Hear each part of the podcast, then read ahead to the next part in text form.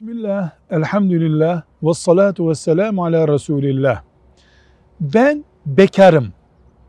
Evli bir arkadaşımın evinde yatılı misafir kalabilir miyim?